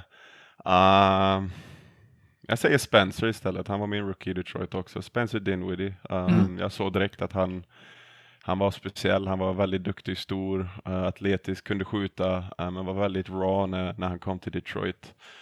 Uh, men jag visste att han, han kommer hitta ett lag där han kommer, kommer glänsa. Uh, och det, det gör han ju nu i Brooklyn. Så uh, vi säger väl Spencer. Glad jag blir att du nämner just de två, för en av mina frågor som jag faktiskt har kritat över här för att jag har ställt så jävla många var faktiskt ifall du är förvånad över att eh, Chris Middleton och Spencer Dinwiddie har kommit att bli de de är idag. Nej, en Eh, av grejerna innan du säger nästa fråga är Mm. om man någon gång tänker om om vi hade haft en bra coach från mitt första år i Detroit, hur många bra spelare som har gått igenom, som vi, vilket bra lag vi hade kunnat haft om vi hade spelat ihop för längre år. Alltså alla spelare som har kommit, kommit igenom Detroit när jag har varit där, det laget hade blivit väldigt bra om man hade fått göra det någon gång. Ja, vi, vi kommer nog komma till en fråga som är snarlik det resonemanget eh, alldeles strax. Men David Linder 00, eh, han undrar vem som är bäst enligt dig, Steph eller KD? KD. KD. Um, jag menar är Sköldström. Steph. Steph är Jag vill Steph, påpeka liksom, att jag eh, har också haft KD före Steph. On record för det. Kanske mer för att han är mycket bättre i försvar, men... eh, Jag var ja, helt nej, med när du alltså, tog det Det där. beror ju helt på vad du vill ha för spelare. Men Så är det. uh, KD, eh, han är en annan nivå. Alltså det är, han är en alien. Han. Eh, Croby Jr undrar, har du någon favoritlagkamrat från alla åren i NBA? Alltså, det är en tuff, tuff fråga. Jag har många, många goda gubbar som man har lirat med. Så, uh, Detroit var ju liksom stuck i en god vän till mig som jag fortfarande håller kontakten med. Ben Wallace eh, liksom tog mig under sin vinge direkt. Uh, så självklart håller man kontakten med Ben. Och, um, Boston hade man ju, shit, vi, vi hade så, så bra lag här sammanhållning med Isaiah och Avery och Jay. Och, Mm. Terry och allihopa, vi kom överens. Uh, kom överens bra. Det var kul. Um, Utah, Utah var, var bra det också. Um, jag och Clay, jag och Clay kom, kom väldigt bra överens. Uh, jäkligt god, god människa, god gubbe. Uh, så man får väl nämna han också. Shoutout Mm. till Clay. Och, och shoutout till, till hans lilla hund också. Uh, vad heter han nu igen? Ro- Roscoe? Nej? Ra- uh, uh, ja, nu, är jag, nu är jag helt ute och cyklar men Eh, A few moments later. Hunden heter Rocco. Rocco, yeah, Rocco, yeah, yeah, yeah, Rocco. Shout out to Rocco. Shout out to Rocco och Clay. ja. Det är goa gubbar de två. Ja. Och, och Victor Tell undrar då om, ehm, på tal om det här med, med spelare som har gått igenom Detroit och allt det där som du nämnde precis. Så eh, om du får skapa en startfem av tidigare lagkamrater, hur skulle den se ut? Jag antar att tre är Ja, ganska Steph fasta. är inte där, så svår att lägga in där och sen som tvåa är ju Clay är inte så svår att lägga in Nej. heller. Uh, KD är inte så svår att lägga in. Mm. Uh, som fyra, vem ska man lägga in där? Uh, uh, vad, ska man, vad tycker ni? Ni vet ju vilka jag har lirat med. Du, må, du Um, måste ju ha med dig själv till att börja med. ja, det är ju ja. Ja, men då- Nej, men nu kör vi ju bara tidigare lagkamrater. Tidigare lagkamrater alltså. Um, Ja men Horford på fyra eller femma då? Eller? Jo, jo El alltså, El är ganska underrated. Han gör alla de små sakerna och han levererar för det mesta. Så jag tar med El där också och så tar vi Mm. Tar vi för Ben lite, på för, lite försvar får man ta. Antingen tar man, får man primetime Ben Wallace så tar man ju primetime Ben Wallace. Uh, men Rudy är, Rudy är Ja just det, Rudy också. stor där inne. Men Ja. eh, jag, får, jag säger Ben då bara för det. När man får Ben primetime för, Ben för den goda sakens skull. Och ändå en liten försiktig shoutout till Rudy Gobert. Definitivt. Ja, men Rudy är, Rudy är härlig, så shoutout Rudy. Karl Strömbäck undrar, eh, hur kändes det när du tippade in den sista poängen mot Utah Jazz efter att du lämnat laget? Vad var reaktionerna från dina lagkamrater? Vi alla såg ju hur det var på plan, men, Ja. men eh, var det lite hypat i Nej, Carl, omklädningsrummet? det var exakt lika hypat som det, Ja. som det var på videon. Det var riktigt skönt. Jag menar, jag spelade en hel säsong där i Utah och um, jag kommer ihåg efter säsongen när, när Quinn ringde mig och bara, nej men vi har valt att gå en annan väg, men du kan få komma tillbaka, men förmodligen kommer du inte få spela så mycket. Och då sa Mm. jag, då kan ni katta mig direkt, jag är inte intresserad. Ja, och så sen få komma tillbaka och spela mot det första matchen, så det var lite FU, lite, det var ganska skönt faktiskt. Eh, Mm. Sa du något ganska till- skönt faktiskt, ska jag inte säga att det var, det var, det var jävligt skönt. Ja. Sa du något till dem när du, när du spände dig där lite framför bänken? Nej, ja, Nej. jag känner Inget alla i det trash. laget och jag tror att eh, innerst inne så var, när det hade lagt sig lite grann så var de nog eh, ganska glada för min skull ändå skulle jag säga. Ja. Um, det, jag tror inte de hade räknat med att jag skulle lämna efter ett år. Jag fattar. Eh, sista frågan då. Caroline Håkansson undrar ifall du tar, eh, tar hjälp med någon form av mental träning. Ja, jag gör ju inte det. Nej. Ja, jag har aldrig gjort det. Det finns säkert sånt som skulle hjälpa folk eller mig. Uh, men jag har aldrig gjort det själv utan jag har alltid jag har alltid bara trott på mig själv och gått in och gjort min grej. Uh, men sen har man väl varit i situationer när man har, det kanske har behövts men uh, jag har aldrig tagit hjälp av det, nej. Men jag följer upp den där då. Det känns som du alltid har haft någonting där du har varit tvungen att jaga. Alltså på något sätt. Tror du, alltså om situationen hade varit tvärtom, om du hade kanske fått mer. För nu känns det som att du blev inte uttagen i en region. Varje lag du har kommit till så har du tvungen att kämpa dig till en roll. Hur mycket tror du det spelar roll i det hela? Jag tror det spelar mycket roll. Uh, jag menar, jag har, jag har förtjänat allt jag har fått, tycker jag. Ja. Uh, och det är genom hårt arbete, det är ingenting jag har fått gratis. Um, jag tog mig till Italien efter, efter ett SM-guld i Plannja där man hade liksom kört så bara hårt man kunde och, och jobbat hårt och, och kände som man förtjänade att komma ut i Europa och sen eh, året vi hade i Italien, eh, gå till Final Four och spela mot de bästa i Italien som, som 20-19-åring och sen få chansen att komma till NBA. Jag har hela tiden haft en morot att att jobba mig till. Uh, ingenting har, har jag fått gratis, uh, skulle jag vilja, vilja säga. Så jag vet inte vad man ska säga. Jonas, du Ja. klev ju in i NBA säsongen 2009-10 och så fick du då spela 73 matcher från start av de 80 du var med. Och då var det ju ett NBA, nu ser vi ju ett annat NBA. Vi ser ju att du inte sett så här supermycket av det som pågår precis i bubblan. Uppenbarligen mycket mindre än vad någon av oss andra har gjort då. Men vad känner du är liksom den stora skillnaden i spelet jämfört med när du kom in och hur det ser ut idag? Um, nej, men det är ju, vi hade ju Greg Monroe och, eh, och Andre Drummond som fyra och femma, så det, det säger väl det mesta om hur, hur spelet såg ut när jag kom in i ligan. Mm. Vi hade eh, Kwame Brown och Jason McSeal som, som fyror.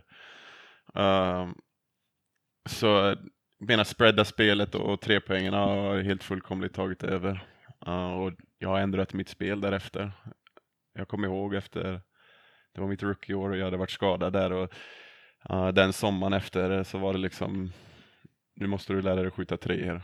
Uh, och sen dess varje sommar så har jag, jag vet inte hur många treor man har skjutit om dagen men det, det, det är jävligt många till att komma dit man är idag. Nu kallas man väl skytt antar jag, det var ingenting man var för tio år sedan. Ja, för jag tänkte, det är ju, alltså, du var väl nästan sedd som trea när du spelade som rookie? Jo, jag var, Italien var jag ju strictly trea och det var väl jag i Plannja också. Jag spelade ju bara trea och innan det så var man ju point guard i Borås.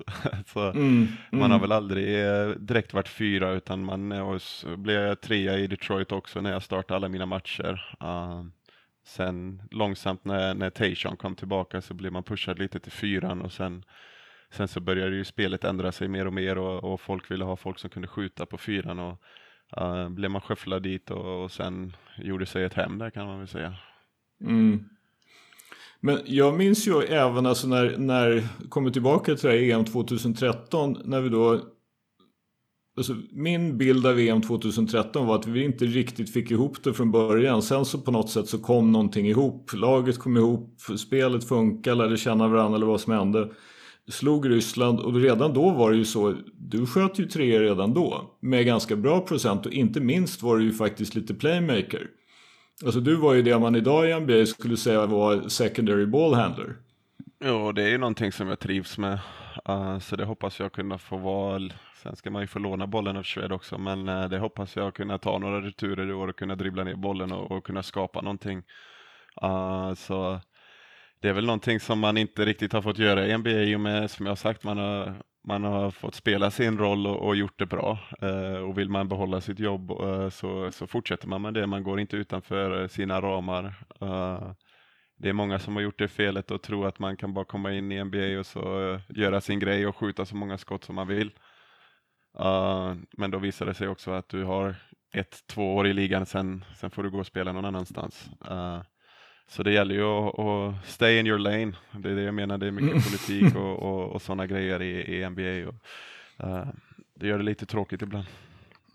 Såg ju på, vi såg ju på Twitter att du gav en liten shoutout. Jag och Stefan gillade ju det väldigt mycket. Du gav en shoutout till dina gamla vänner Jay Crowder, Andrew Iguodala och Kelly Olynyk va?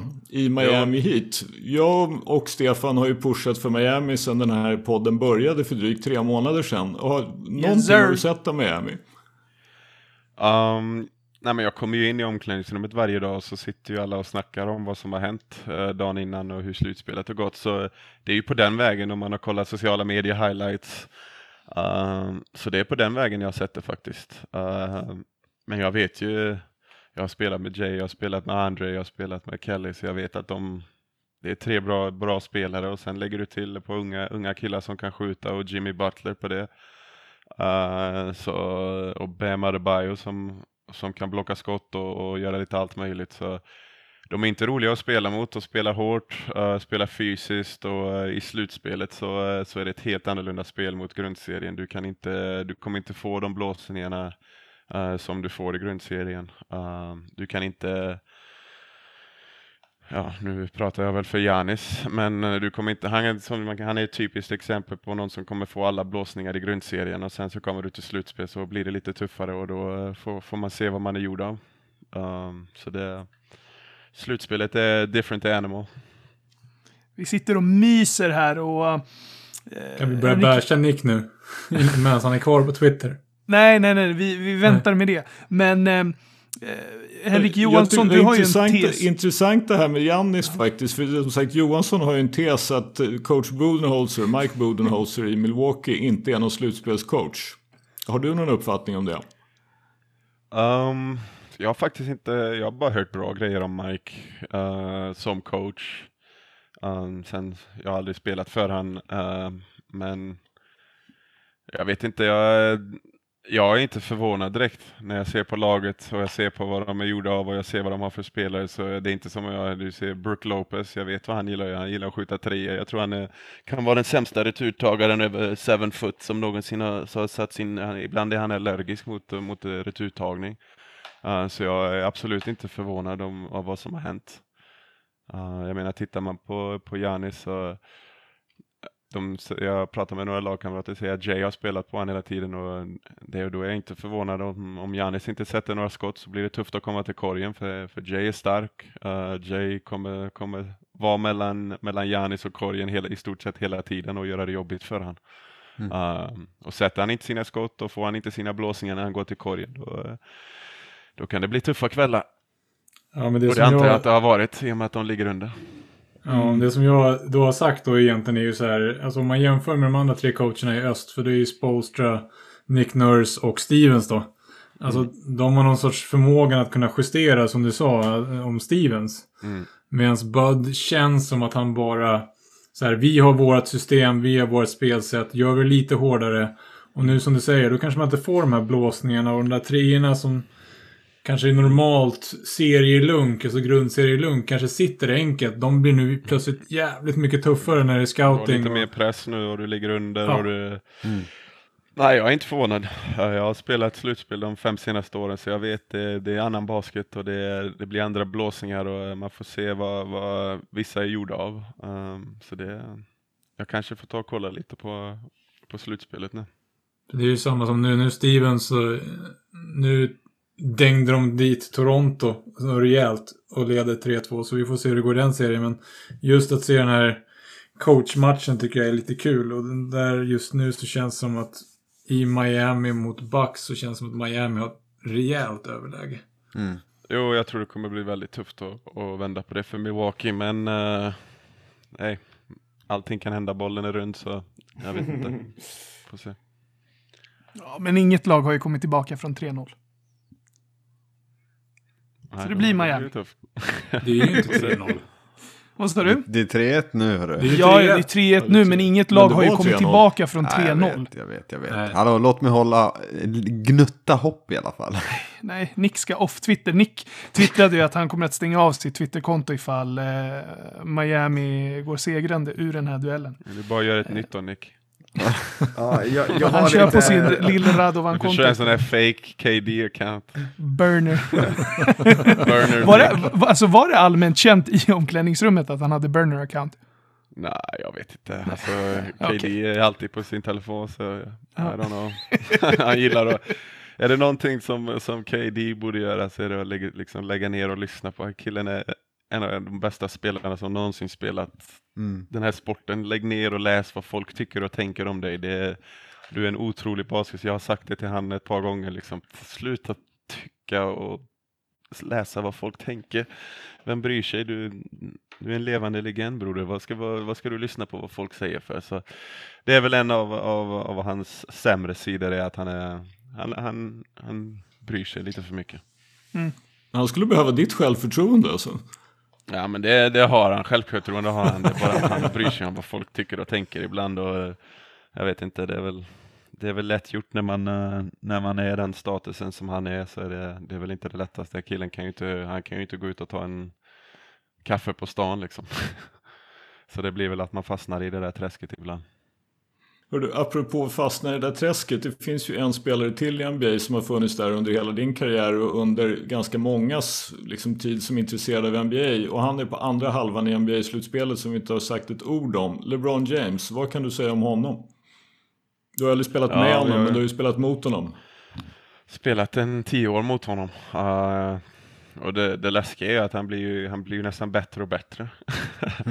Eh, Nej men självklart så LeBron eh, han, han är värd att nämnas med, med, med Kobe och, och KD och eh, kanske till och med högre än vissa av dem så jag vet inte vad man ska säga. Han har stoppat många av mina slutspelsserier och eh, är det en, en otrolig basketspelare. Uh, när, han, när han får bollen och i transition, det är en scary sight. Du, du stoppar inte det.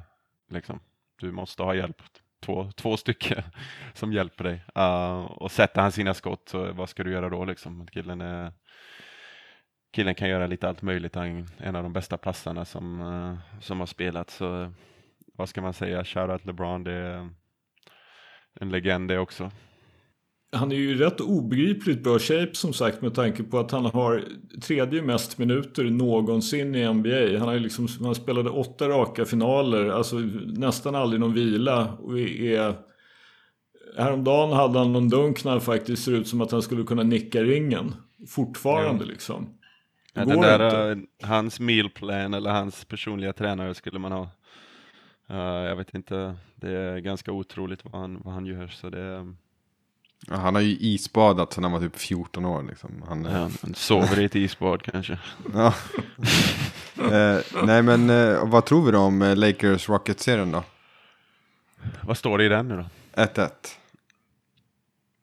Alltså det är ju så, Rockets vann det första, Lakers andra. Houston Rockets är ju som, det är ju hit or miss. Det är ju, om du kollar på det, hur det laget är uppbyggt, det är ju kasta treor och, och kolla vad Harden gör och så har du Westbrook Mm. och Harden. Det är ju, det är ju crapshoot. jag vet inte vad man ska säga. Om man visste Det- att man fick typ 90% av vad de kan få ut, då skulle jag kunna... Men man vet ju inte. Alltså det är ju så här... Ja, any given night så kan- de ju kasta, ja det är, det är crapshoot, det är 50-50, de skulle mycket väl kunna slå ut, uh, slå ut Lakers. De har ju inte, de har ju inte gjort något i slutspelet på, på forever, så om det är någon gång som det, det ska vinna något lag som man inte tror så är det väl detta året i, i, i Orlando, så jag skulle inte vara förvånad om Houston tar Lakers. Nej. Inte en chans att ett lag med Russell Westbrook eh, går så Uff. långt i slutspelet. Kom igen. Stänger av Facebook Nick. Ja, jag, jag, jag måste bara säga det där med Milwaukee-serien, förlåt, förlåt för att jag tar upp det igen. Alltså, Bud coachar så jävla dåligt, det finns inte. Den här sista matchen, den skulle de också förlorat. De har, alltså, de har ju kollapsat. Hela deras anfallsspel i fjärde perioden och förlängningen är ge bollen till Middleton och typ flytta på er. Och De Chris är ingen sån passa- spelare. Nej. Vad sa det du? första, Chris är absolut ingen go-to guy.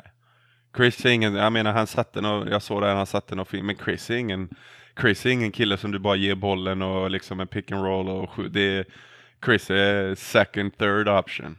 Och Giannis är inte Men- heller någon, någon option där du ger bollen. Vem, vem ska de ge bollen? Bledsoe? Please give the Nej. ball to Bledsoe, säger Miami.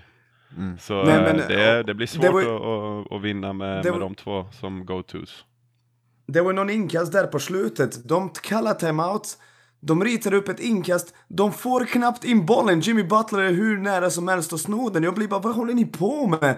Och sen Sp- Spolstra, han gör ju kaos av, av Milwaukee. Jag vet inte om ni har märkt det, men Jo på höger sidan av planen. På höger sidan av planen. På höger sidan av planen. De är så bra på att få två mot två spel liksom med curls liksom och flare screens.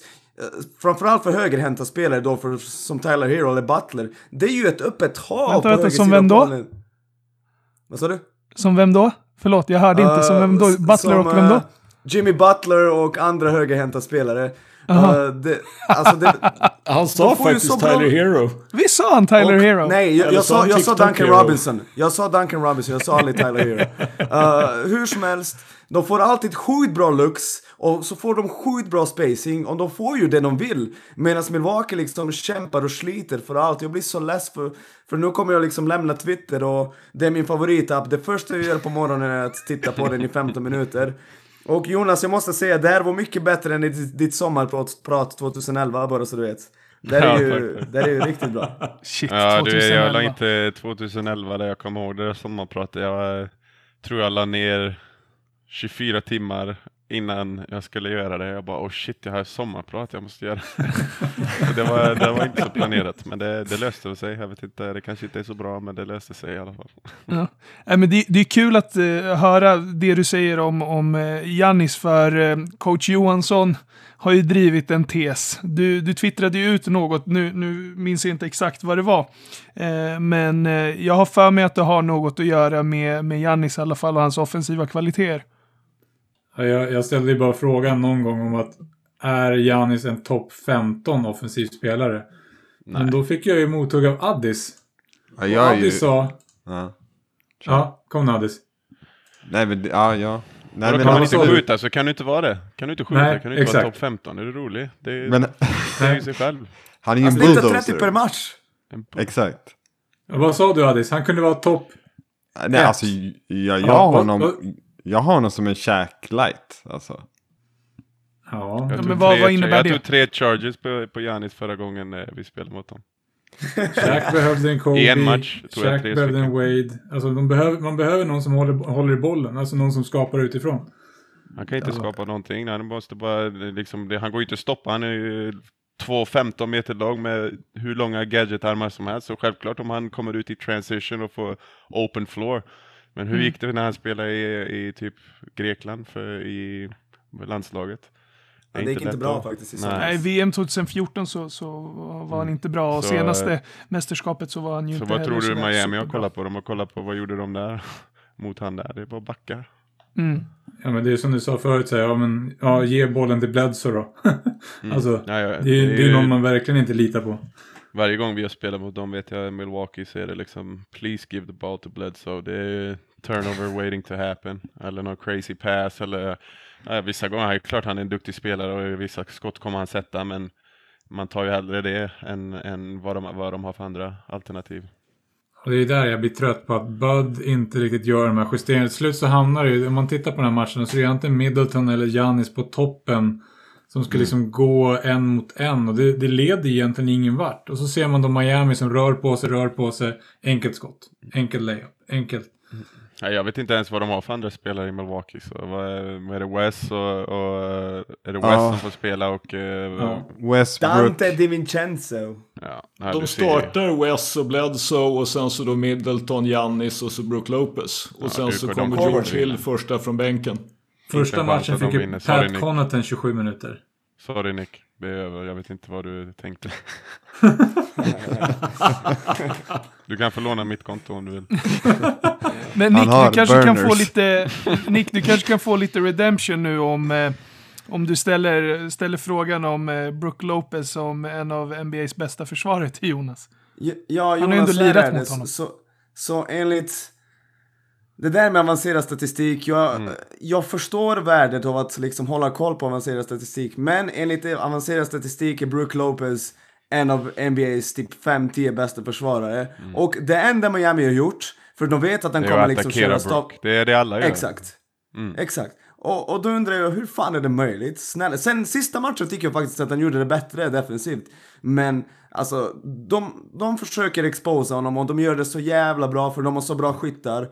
Så vad Ja, tycker du när, om du det? kommer liksom? in, när du kommer in i en slutspelsserie så kommer alla, alla dina svagheter kommer att, att lysa extra, extra starkt liksom. Och varje gång du spelar mot Milwaukee så, så vet du att du drar ut Brook från paint. Det är liksom, vad ska han göra? Han, har, han kan inte röra sig i sidled. Så Du liksom, har mött honom många gånger. Tycker du att han är en av de bästa för, för, försvararna du mött? Jag tänker inte ens svara på det Nick, för det, det är skrattretande. Det är klart Exakt, tack! Ja, men, men, men det var bara det. det var, du, Ja. Vi är på samma sida här. Vi är på samma sida här. Nej men Brooke är, det, Brooke är en bra spelare och liksom jag, jag gillar Brooke men en försvarsspelare är det sista han är. Han, han är en, en seven foot, very skilled seven footer who can shoot. Um, he can't Ja, rebound and can't play defense. Det är så lätt. Alltså han snittar som sagt, i år har han faktiskt snittat fem retur, nej förlåt, se, drygt, vad blir det nu? Jo, totalt 4,6 returer och han är foot minuter? i en era när ingen går efter den offensiva returen. På hur många för sig, minuter? eh, 27. det han har för sig. Giannis bredvid sig som snittar 13-14 returer, men, men alltså, ja. Du ska nog kunna hitta mer än fyra i alla fall när du är 2,15.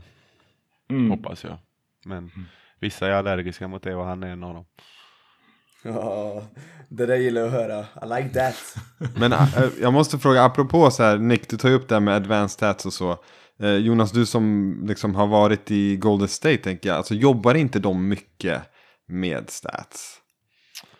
Uh, bakom kulisserna säkert. Uh, Okej, det är ingenting men vi hade en saying, alltså. Det året som vi hade, vi hade en saying där det var, det var liksom, it's about us. Mm. Det är, vi har vårt lag, vi vet att vi är det bästa laget. Det här handlar om oss, om vad vi ska göra. Det, är- det var en av de bästa grejerna med att vara Golden State det året var att vi, vi brydde oss knappt om, om de andra lagen. Alltså vi koncentrerade Mm. oss på oss själva. Vi kom in till matcherna, självklart, vi har ju, jag har ju spelat mot de här lagen i tio år så alla vet ju. Um, så vi gjorde inte mycket scouting innan matcher, självklart i finalerna och Mm. sådana grejer så gjorde vi det. Men under säsongen så var det nästan ingenting. Det var mer, det är de här spelen, det är på det här sättet vi ska spela idag. Nu spelar vi som vi ska göra. Uh, så vinner vi matchen. Uh, och det var ganska skönt. Um, Mm. Ja. Okej.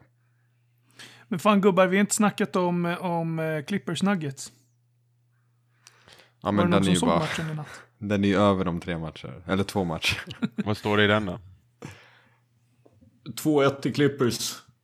Men det var faktiskt rätt tajt ändå, tredje matchen. Ja. 113-107 tror jag det blev. Jag har bara sett Jamal Murray och gone crazy. Um, Är du ju sett- förvånad? Är du förvånad att han, att han ändå på något sätt har blommat upp under det här slutspelet? Och är han värd de där 170 miljonerna? Är någon värd 170 miljoner? Det vet jag inte. uh, Nej, men det är en liten grej vi har här i... Nej men han, eh, han har ju blommat ut rejält och han, han gör sin grej och han har sjukt mycket självförtroende med coach Malone. Så all credit to him. Han har ju bra spelare runt omkring sig som ger han bollen och han får göra sin grej. Um, Men sen vet ju allihopa såg ju, alltså Kawhi förra, i våran finalserie, så det var det var bland det värsta jag sett. Alltså han och Van Fleet och, och Gasol, de kastar ju upp grejer som jag aldrig sett någon sätta sådana skott som de satte. I, i clutch situations så, så eh, Van Fleet drog ju upp, eh, kastade ju iväg bollen och den gick i.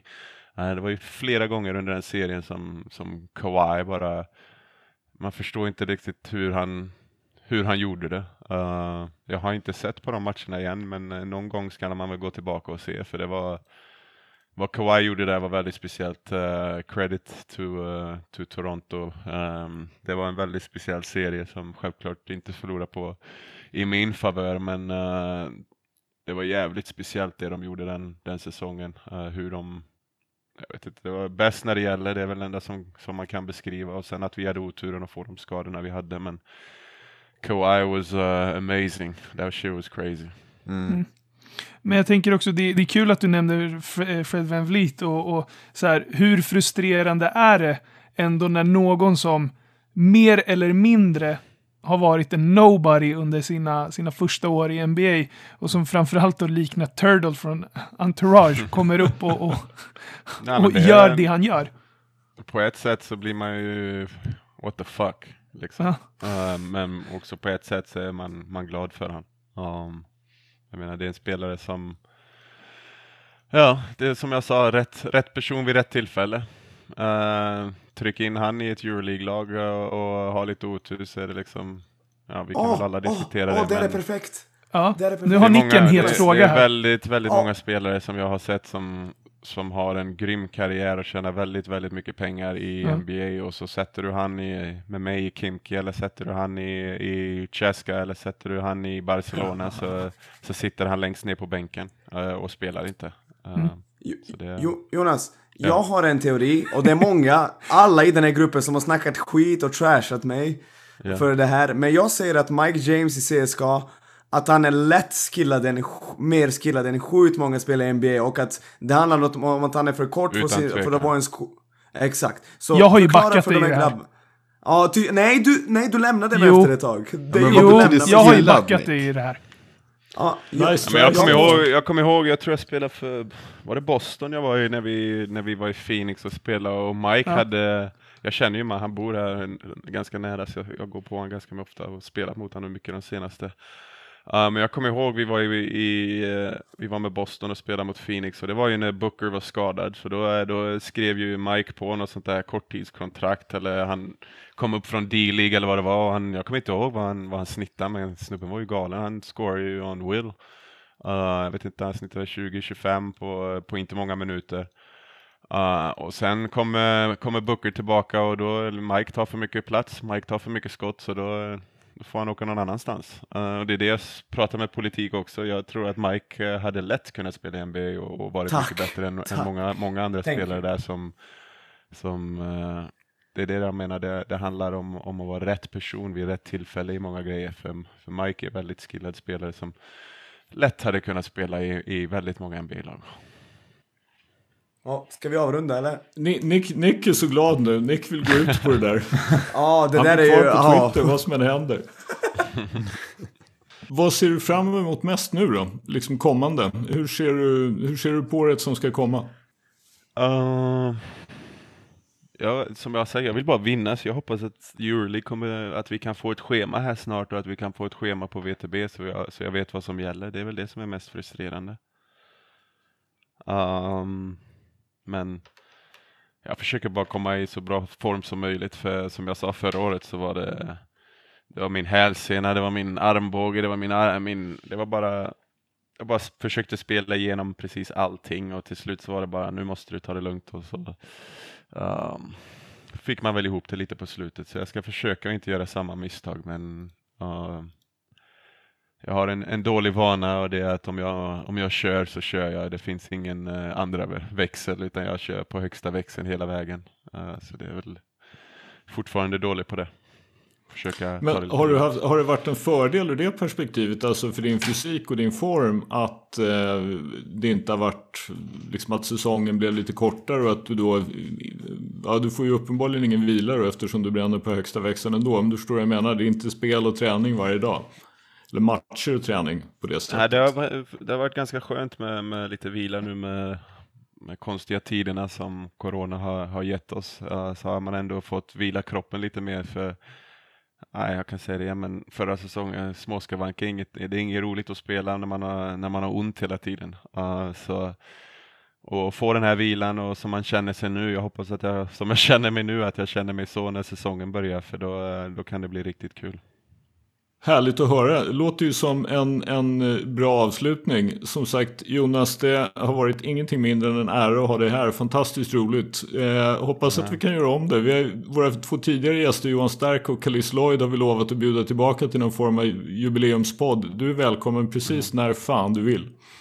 Tack så mycket. Nej, det var trevligt gubbar. Ni får, eh, ni får höra av er. På, jag är inte så stark på Twitter, men jag kan försöka Nick, eh, nu när du, eh, om du nu får vara tillbaka.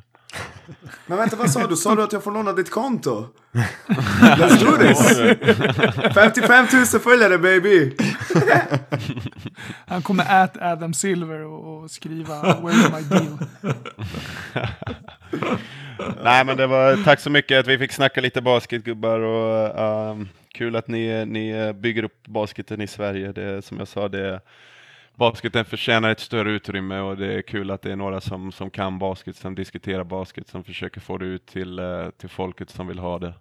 Ehm, och jag hoppas att jag har inspirerat många där ute och hoppas att fortsätta inspirera och jag hoppas att min, min karriär kan leda till, eh, till någon, någon eller några stycken unga där ute som tror på sig själva och gör, gör samma resa som jag har gjort. Det är väl det enda jag vill säga. Tack så mycket gubbar. Tack själv. Tack. Tack själv. Du har precis lyssnat på det 20 avsnittet av Sveriges största basketpodd, Bänkvärmarna. Intromusik, Mario Dri och Stefan Stanojevic. Deltagare, Henrik Sköldström, Henrik Johansson, Nikita Rajacic, Addis Nimmerstam, Stefan Jovanovic och allas vår Jonas Jerebko. Produktion, Addis Nimmerstam. Stort tack för att ni har lyssnat. Bänkvärmarna finns i sociala medier på bankvarmarna SWE på både Facebook, Instagram och Twitter. Glöm inte att prenumerera på vår podd på diverse streamingtjänster. Ta hand om er där ute och glöm inte, bänken ljuger aldrig.